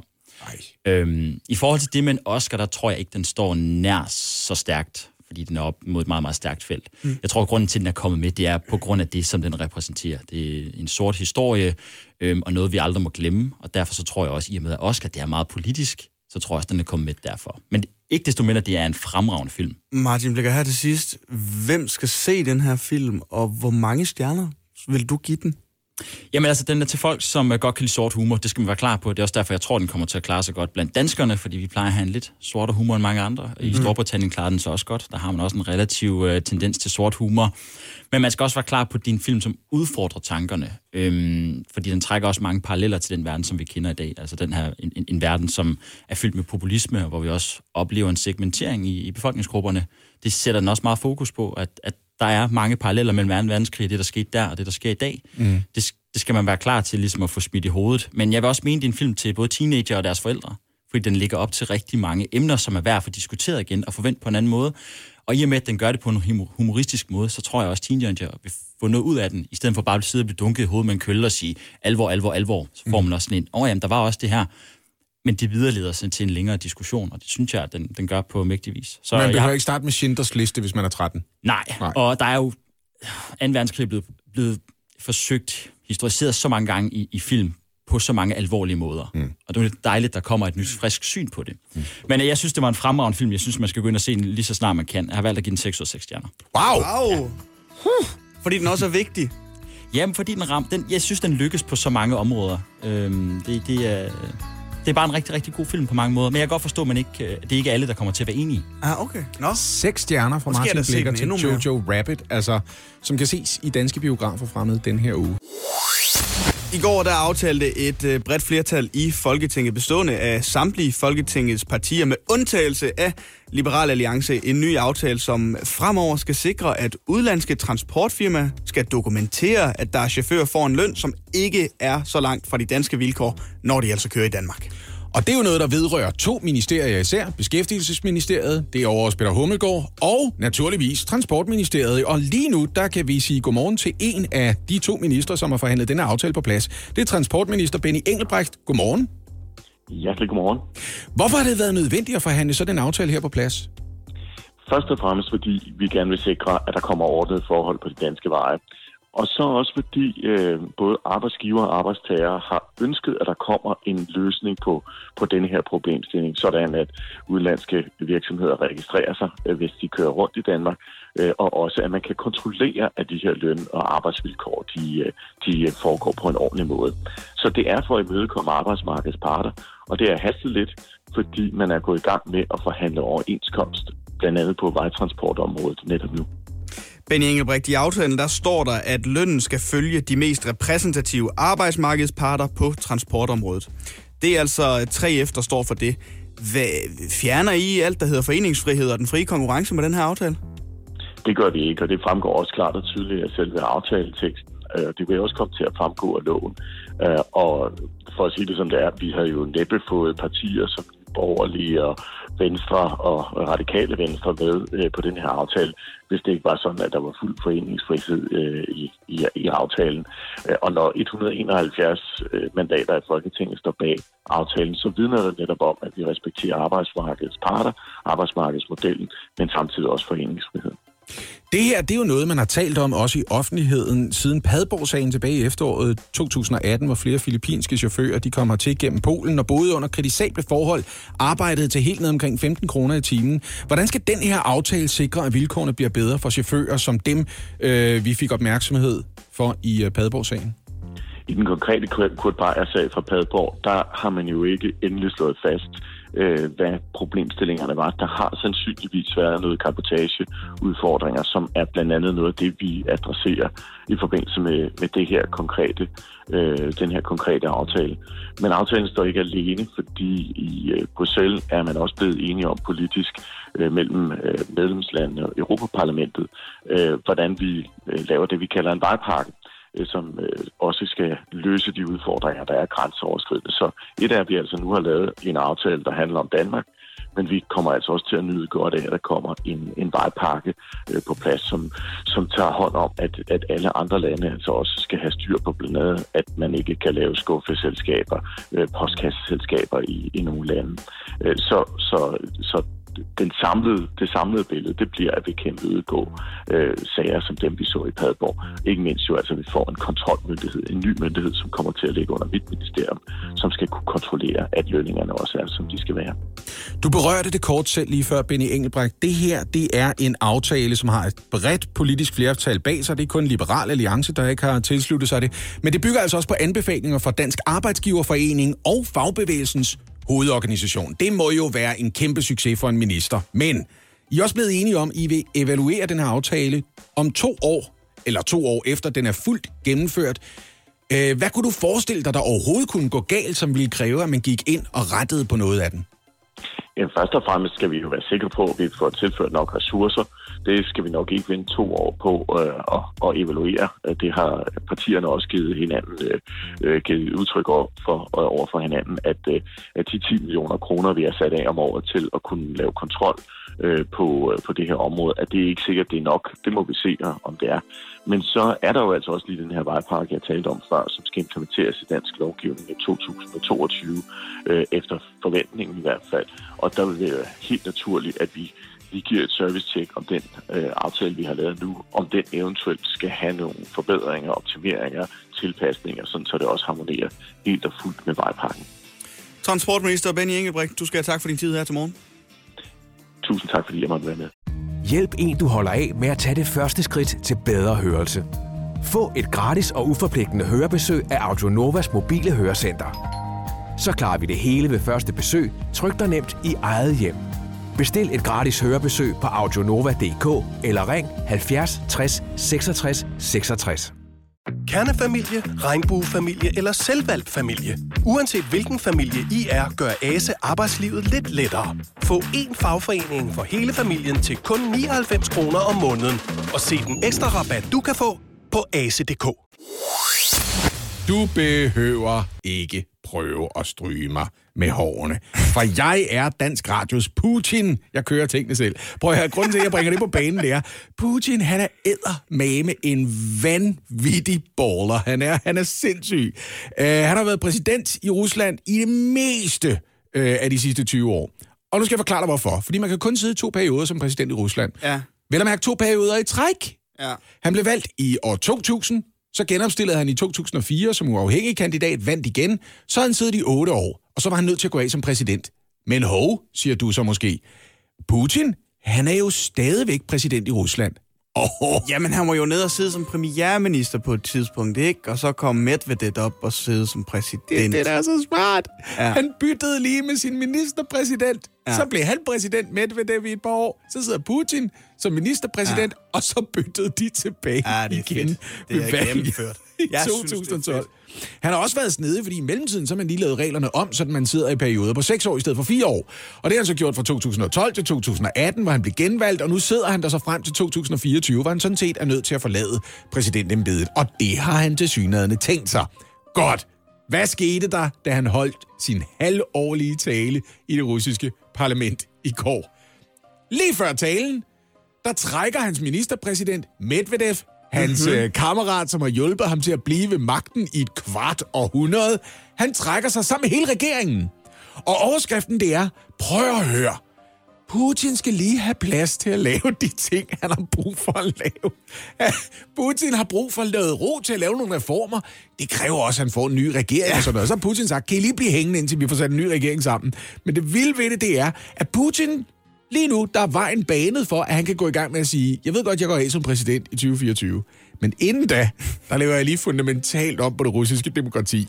Og jeg regner egentlig bare med alles opbakning. Præcis. Så vidt jeg kan forstå, så er det noget med, at der vil godt lige have ændret, ændret nogle ting i en grundlov også, og så noget, der lige skal laves lidt om, fordi det passer ikke lige ham. Egentlig så er han interesseret i at fjerne magt fra præsidentembedet og placere det over hos parlamentet i stedet for. Men er det ikke pudsigt, som det falder sammen med, at han ikke længere selv er præsident? Hva?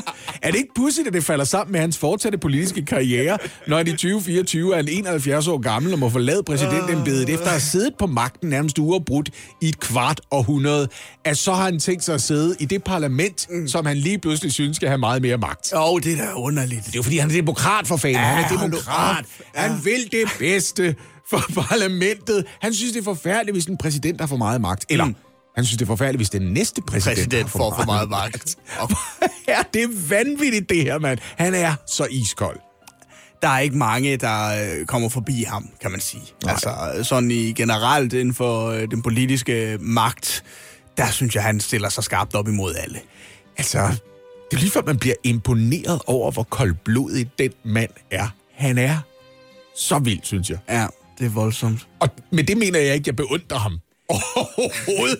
Men hvis han kommer og spurgte mig, beundrer du mig, så vil jeg ikke turde sige nej. Nej, nemlig. Men det undrer mig, at han ikke bare kommer, går direkte til det, og så bare får fjernet alt, hvad der hedder demokrati, og så bare bliver zar i Rusland. Altså, så bare jo, bliver det- den første zar i, jeg ved ikke, mange hundrede år. Prøv at høre, det, det er jo det smarte ved det her. Det er ligesom, når jeg står ved køledisken sammen med ungerne og spørger, hvad kunne I tænke jer at spise i aften? Mm. Og så foreslår de tre forskellige ting, og så siger jeg, ved I hvad, jeg tror, det bliver spaghetti bolognese. Ja. Men i det mindste har de været en del af beslutningsprocessen, Oliver. De har ja, da trods det alt været med, ikke? Altså, de tror, de har været med. Ja, de tror, det, det, det, det, er det, jeg godt kan lide. Vi trækker lige regeringen, så kan jeg få lavet om i nogle ting, fjerne noget magt fra præsidenten. Men først, når det bliver, skal vi sige 2024, skal vi sige, det træder i kraft der? Alle bliver taget med på råd, men det er far, der træffer den sidste beslutning, ikke? Prøv at høre. I stort set alle sammenhænge, der tror jeg, der er bred enighed om, at forebyggelse er meget, meget bedre, end at prøve at takle et problem, når det først er opstået. Ikke? Rigtigt. Men der er til synlædende nogle undtagelser, hvis man spørger eksperter inden for felterne. Et område, og nu bliver det dystert, et område er selvmord. Ja. Hvis selvmord bliver talt meget om i en større sammenhæng, medier for eksempel, så kan man bagefter notere sig, at antallet af selvmordsforsøg ofte stiger en lille smule. Alene det at nævne, at selvmord er en mulighed, kan anspore nogen mm. øh, til at forsøge sig med det. Og det betyder jo, at selv i den bedste mening kan man gøre skade. Grunden til, at jeg nævner det, det er, at Landsforeningen mod spiseforstyrrelser og selvskade er i gang med at uddanne undervisere. Det gør de sådan set hele tiden. De gør det i Danmarks største byer, Aarhus og København. Øhm, og det gør de blandt andet for at kunne sende de her undervisere ud til elever i 7. til 9. klasse med et projekt, der hedder Mind Talk, hvor man forholder sig til, hvad vil det sige at have et sundt forhold til sin krop? Hvad kan man gøre med kritiske tanker i, i ens hoved? Øh, Hvordan kan man bedst muligt takle, når man har det der øjeblik i begyndelsen eller midten af puberteten, hvor man kigger i spejlet og tænker, jeg kan ikke lide, hvad jeg ser, der er noget galt med mig. Kan jeg gøre et eller andet ved det, for eksempel? Eller hvad der ellers måtte føre til, at man begynder at, at have et usundt forhold til sin krop og til, øh, til, Alle til de tanker, som, som der render en masse drenge og piger rundt med i de der ungdomsalder, ikke? Ja. Men prøv at høre. Det her projekt, Mind Talk, det har nu skabt noget røre. Fordi man har justeret på uddannelsen af de her undervisere, så de fremover kan tage ud til elever så små som 4. klasse for mm. at tale om spiseforstyrrelser. Man bruger ikke ord som spiseforstyrrelse. Man bruger ikke ord som selvskade. Der vil ikke blive talt om cutting. Man kommer ind på emnet af en helt anden vej. Okay? Ja. Man, man kommer sådan helt rundt om frem en Barbie-dukke og sige, åh, oh, hvad? Kunne I forestille jer, hvis det her det var et rigtigt menneske? Ej, så ville det være et sygt menneske. Det er ikke godt. Hvor skal overhovedet tarmsystemet være henne inde i den her slanke, slanke talje? Det er i hvert fald sådan, som jeg øh, forestiller mig, man ville bruge Barbie-dukken, når nu det bruges som eksempel fra, øh, fra, fra Landsforeningen mod spiseforstyrrelser og selvskade. Men prøv at høre. Intentionerne er fremragende. Der er bare folk, som mener, at man risikerer at gøre mør, ø, større skade øh, end gavn i den her sammenhæng. Og det er blandt andet en ledende overlæge i børne- og ungepsykiatrien i Region Midtjylland, han hedder Jakob Paludan. Okay. Øhm, og, og, og den her fyr, Jakob Paludan, han har været ude at sige, når der gælder spiseforstyrrelse, så er der faktisk en risiko for, at man accelererer problemerne ved at tale for meget om dem. Lige præcis når det gælder spiseforstyrrelser, så kan det måske være den bedste idé at øh, resultatbehandle, altså du ved, behandle dem, som har problemet, snarere end at forsøge at forebygge. Fordi forebyggelsen nogle gange i virkeligheden bare flytter noget fokus et sted hen, hvor det ellers ikke havde været. Eller skærper et fokus, som allerede er lidt diffust. Nemlig, åh, åh alt stresser mig, jeg kan ikke lide min krop. Så og taler med- du meget om det, så kan det være, at man går hjem og tænker, ja, det er faktisk rigtigt. Det er Ja. faktisk... Nej, nu kigger jeg meget mere på min krop. Så der er mulighed for, at man bliver mere opmærksom på de eventuelle øh, altså, fejl, man selv synes, der er ved ens krop, hvis man taler mere om det. Specielt ned til en alder af 4. klasse, hvor man vil lære en... Ja, hvor gammel er man? 10 år? Jeg er ikke meget ældre i hvert fald. Nej. Men jeg tror, jeg var ni på det tidspunkt. Og lige præcis på det tidspunkt er man selvfølgelig også på virkelig. Altså, man, er, man tager øh, ting ind som en øh, lille hjernesvamp, og, og det sætter sig øh, op i hovedet i et eller andet omfang. Nu er jeg jo ikke klog på det her overhovedet, men altså meningerne er alvorligt delte. Det er overhovedet ikke intentionen, understreger naturligvis Mindtalk-projektet. De siger, at vi vil bare gerne give børn og unge nogle redskaber, så de ved, hvordan de kan håndtere de svære ting i deres liv på en anden måde. Men, som Jakob Paludan understreger, så vil det også sætte fokus på, at der er en skadelig måde at håndtere dem på. Ja. Øhm, og, og jeg tror, jeg ved ikke, om du husker det, men altså, jeg tror, det er rigtig svært at sætte sig ind i præcis, hvor dybt det kan gå, når man har et forstyrret billede af ens egen krop. Og jeg ved, at vi tidligere, for eksempel i medierne, øh, har snakket om debatforer, hvor piger med spiseforstyrrelser, de har udvekslet tips om, hvordan de kunne altså, sulte sig selv endnu tyndere, endnu mindre sunde i virkeligheden. Mm. Øh, givet hinanden sådan gode råd om, prøv at høre, hvis du har svært ved at kaste op med tre fingre i halsen, så prøv det på den her måde i stedet for. Ikke? Ja, det er ubehageligt, ikke? Det, det er nemlig vemmeligt. Ja, det er det bare. Så hvad fanden gør man i den her situation? Vi vil alle sammen det bedste for vores børn. De lavede også til, der er sådan ret, eller ikke uenighed, men i hvert fald, vi lagde den ud til vores lyttere i går, øhm, ind på vores, vores Instagram-side og på Facebook. Altså, der er 4, 64 procent af vores lyttere, der mener, at det er for tidligt at gøre det i 4. klasse, og 36, nej, øh, der synes, at det er et vigtigt emne at tage det op i 4. klasse. De mener, det er okay. Mm. 64 procent af vores lyttere. Og 36 procent af vores lyttere mener, at det simpelthen er for tidligt. Så altså, Ja. den, er, den er ikke helt 100% hjemme nogen steder, vel? Nej, nej, men jeg vil Øhm. også sige, at mit instinkt vil være, prøv at høre, hvis du gerne vil gøre noget godt, og du har muligheden for at gøre det, så tag dig ud og snak med de her 4. klasses elever, og så hører man fra en overlæge, som er ekspert på området, som siger, prøv at høre, du kan faktisk tværtimod gøre problemet værre, og så er jeg pludselig i tvivl og aner ikke noget længere. Mm. Alt hvad jeg ved, det er, hold nu kæft. Altså, det er hårdt at være forældre til nogen, som lider, og man Helt vil jo vildt. altid bare gerne gøre det bedste for dem, ikke? Helt sikkert. Det, er- det er meget hårdt. Vi skal snakke om et rigtig alvorligt emne lige nu. Øhm, og, og det får vi noget øh, behørig hjælp til for at blive klogere på en, en ret alvorlig sag. I dag der er det muligt at gå på soveoverlov, hvis man mister et spædbarn. Men det skal der laves om på. Det mener i hvert fald Pernille og Christian Jensen. Parret ønsker en soveoverlov på et halvt år, hvis man står i den ulykkelige situation at miste sit barn, uanset alder, altså op til barnet, er myndigt. Derfor har de nu øh, fremlagt et nyt borgerforslag. Og Pernille Jensen, du er sammen med din mand ideen bag det her forslag. Og godmorgen til dig. Godmorgen. I mistede jeres søn Lasse tilbage i marts 2019. Pernille Jensen, hvorfor har I øh, indstillet det her borgerforslag? Jamen, øh, det har vi, fordi at vi synes, der findes nogle huller i det her system, som ikke lige øh, hjælper os forældre, der har mistet det her barn. Hvis man har et sygt barn, som Lasse var, han havde leukemi, så øh, havde jeg en overlov, fordi han var syg. Det kræver pasning. Og øh, hvis han så dør, så vil jeg have tre måneder bagefter. Det har min mand for eksempel ikke, fordi han ikke var omfattet af den her overlov. Så han måtte øh, sygemelde sig. Og så på et tidspunkt, så skal man jo stå til rådighed for arbejdsmarkedet og ja, bliver kontaktet af kommunen og skal på jobcenter, til trods for, at han jo rent faktisk havde et arbejde. Pernille Jensen, hvilken forskel ville det have gjort for dig og din mand, hvis I havde haft adgang til en soveoverlov, da I mistede jeres søn? Jamen, øh, det der er i det, det er jo, at ens verden går fuldstændig i stykker og falder sammen. Og når man så 14 dage efter har begravet sin søn, øh, får et brev om, at nu skal man møde op på jobcentret, altså det er man bare slet ikke klar til. Det er man ikke. Pernille Jensen, jeg kan ikke lade være med at tænke, om man også skal være opmærksom på, at sorg for nogens vedkommende kan være en, en individuel størrelse. Nogen kan vel godt have godt af at komme ud og omgås med måske sine kollegaer eller andre. Skal man ikke også være lidt opmærksom på det? Jo, det skal man, og jeg synes også, altså det skal jo kun være et tilbud. Det, det, er jo ikke, det, det skal ikke være et krav. Det skal være et tilbud for dem, som ligesom har behov for det, at de kan få fred og ro. Og hvis man vil starte efter en måned eller to, jamen, så er afsted. Der skal 50.000 støtter til, for et borgerforslag det kommer op og vinde i Folketinget. Hvis nu forslaget ikke samler 50.000 støtter, eller hvis Folketinget vælger at, at afvise forslaget, hvad håber du så på, der sker i allerbedste fald herfra? Ja, altså nu har jeg jo været lidt i medierne, og, og de har jo, de er i hvert fald opmærksom på forslaget, kan jeg forstå. Og øh, jeg arbejder sammen med Forældreforeningen, vi har mistet et barn, som faktisk har stillet lignende forslag direkte til politikerne. Så vi skal nok holde dem op på, at der skal gøres et eller andet. Indtil videre har lige godt 15.000 danskere støttet det her borgerforslag, men der skal 50.000 til. Har du lyst til at støtte forslaget om udvidet mulighed for sorgoverlov for forældre, der har mistet et barn, så skal du altså forbi borgerforslag.dk. Pernille Jensen, tusind tak for din tid her til morgen. Ja, tak.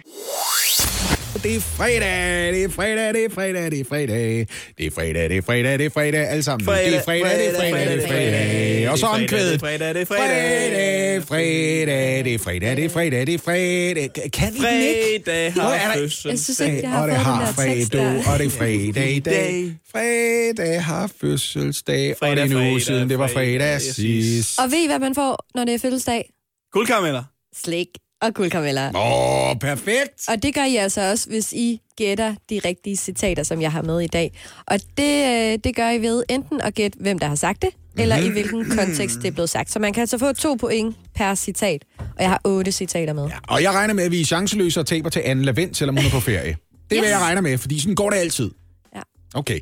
Skal vi bare tage dem på en ende, ikke? Jamen, det synes jeg. Fedt. Spids ører for fan Oliver Spids ører, fordi det første kommer her. Don't do that. Don't do that. Det er mig. Det var mig. That. Det var Don't mig do that.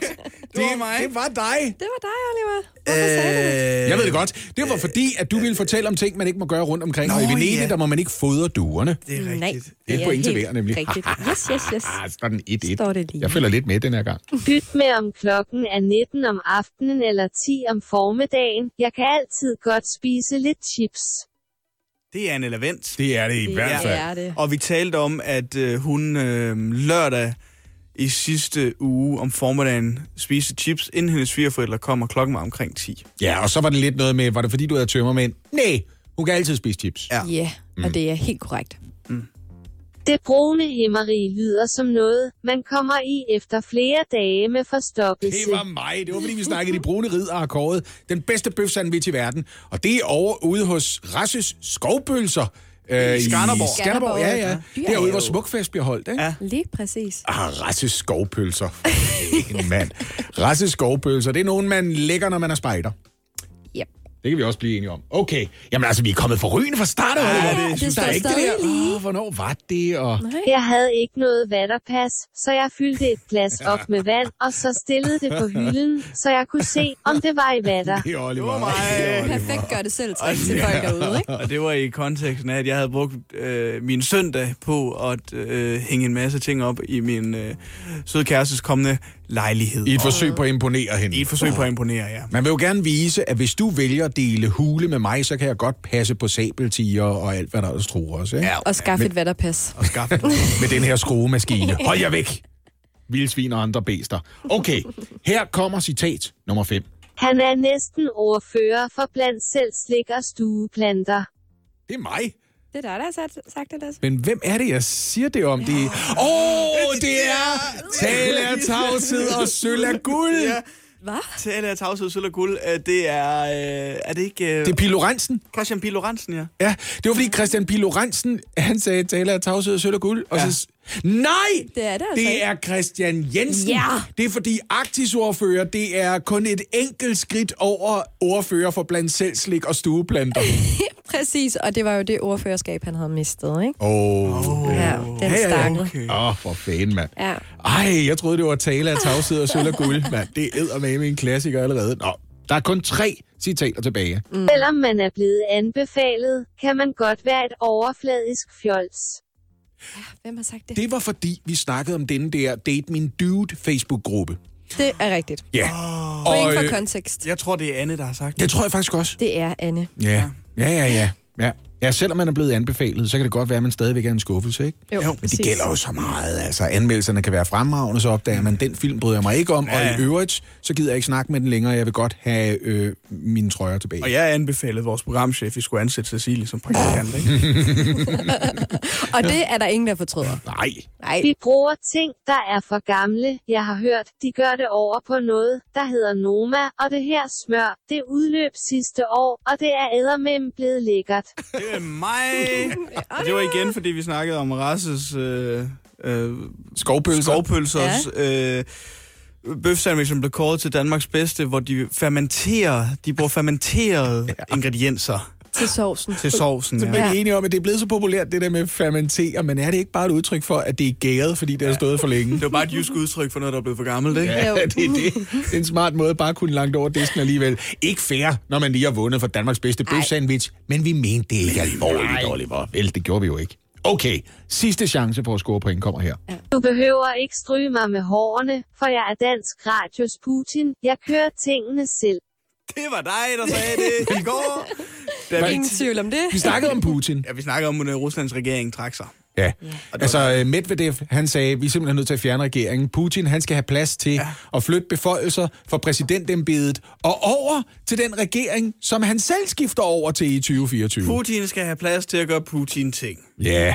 Det er smart. Putin's gotta do his Putin stuff, ikke? Ja. Og nu kan jeg altså afsløre, hvem det er, der har vundet. Og beklager, Lasse, det er Oliver, der tager guldkamellen. Nej. Jeg laver lige min sejrstans. Ikke kønt. Den, den ser sådan her ud. Selv når vi kun er to deltagere, og jeg for en gang skyld hører citaterne og tænker, det kan jeg faktisk godt huske selv i Ja, den hvad- situation. hvad sker der så? Og mine grånende, gigtplagede hjerneceller mm. har brug for ja. hjælp fra er hjerneceller eller et eller andet. Jeg, mm. Åh, Oliver, for helvede. Mm. Oh.